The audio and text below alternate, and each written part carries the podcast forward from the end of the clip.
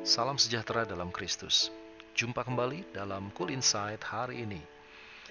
Banyak kisah yang menceritakan tentang kejatuhan anak-anak Tuhan. Fakta ini membuktikan bahwa kehidupan orang percaya tidaklah kebal terhadap kejatuhan jika tidak berjaga-jaga. Sebaliknya, kita juga sering mendengar bagaimana sebuah kehidupan yang rusak dan penuh dosa mengalami pembaruan di dalam Kristus. Di sinilah terletak keadilan Tuhan, bahwa jika kejahatan yang sebesar apa pun hilang tak berbekas ketika orang berdosa bertobat, maka jika orang benar yang jatuh ke dalam dosa, kebenaran hidup yang ia pernah jalani hanyalah kain kotor di hadapan Tuhan.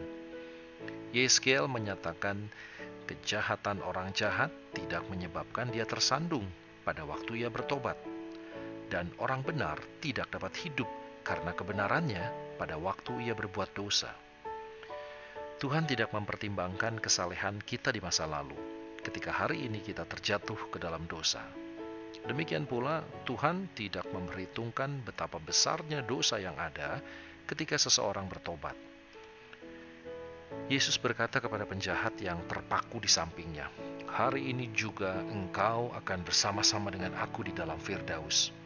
Namun kepada Yudas dikatakan adalah lebih baik bagi orang itu sekiranya ia tidak dilahirkan.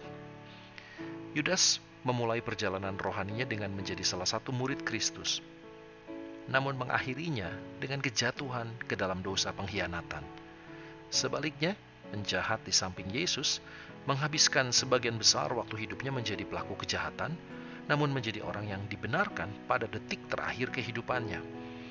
Demikianlah dapat kita simpulkan bahwa Tuhan tidak tertarik dengan masa lalu kita.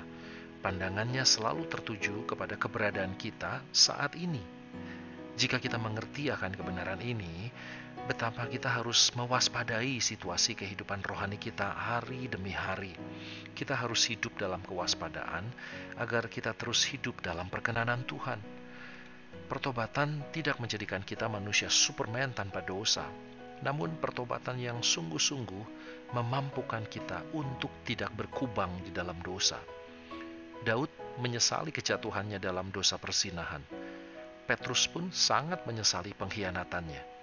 Karena itu, mereka melaju pesat dalam kerohanian mereka, bagai anak panah di tangan Tuhan, karena mereka menjadikan kejatuhan mereka sebagai wake-up call bagi kematian rohani. Demikianlah kedua orang ini menjadi permata di hadapan Tuhan, bukan karena kesempurnaan mereka, melainkan karena ketulusan hati mereka untuk berjalan hari demi hari dalam koreksi dan perkenanan Tuhan Pertobatan hanya sebuah langkah awal, namun pengudusan dan perkenanan Tuhan harus menjadi headline bagi kalender kehidupan kita. Selamat malam, saudara. Hiduplah dengan bijaksana dan takut akan Tuhan, karena iman kita hari ini adalah lukisan terindah di mata Tuhan. Selamat beristirahat.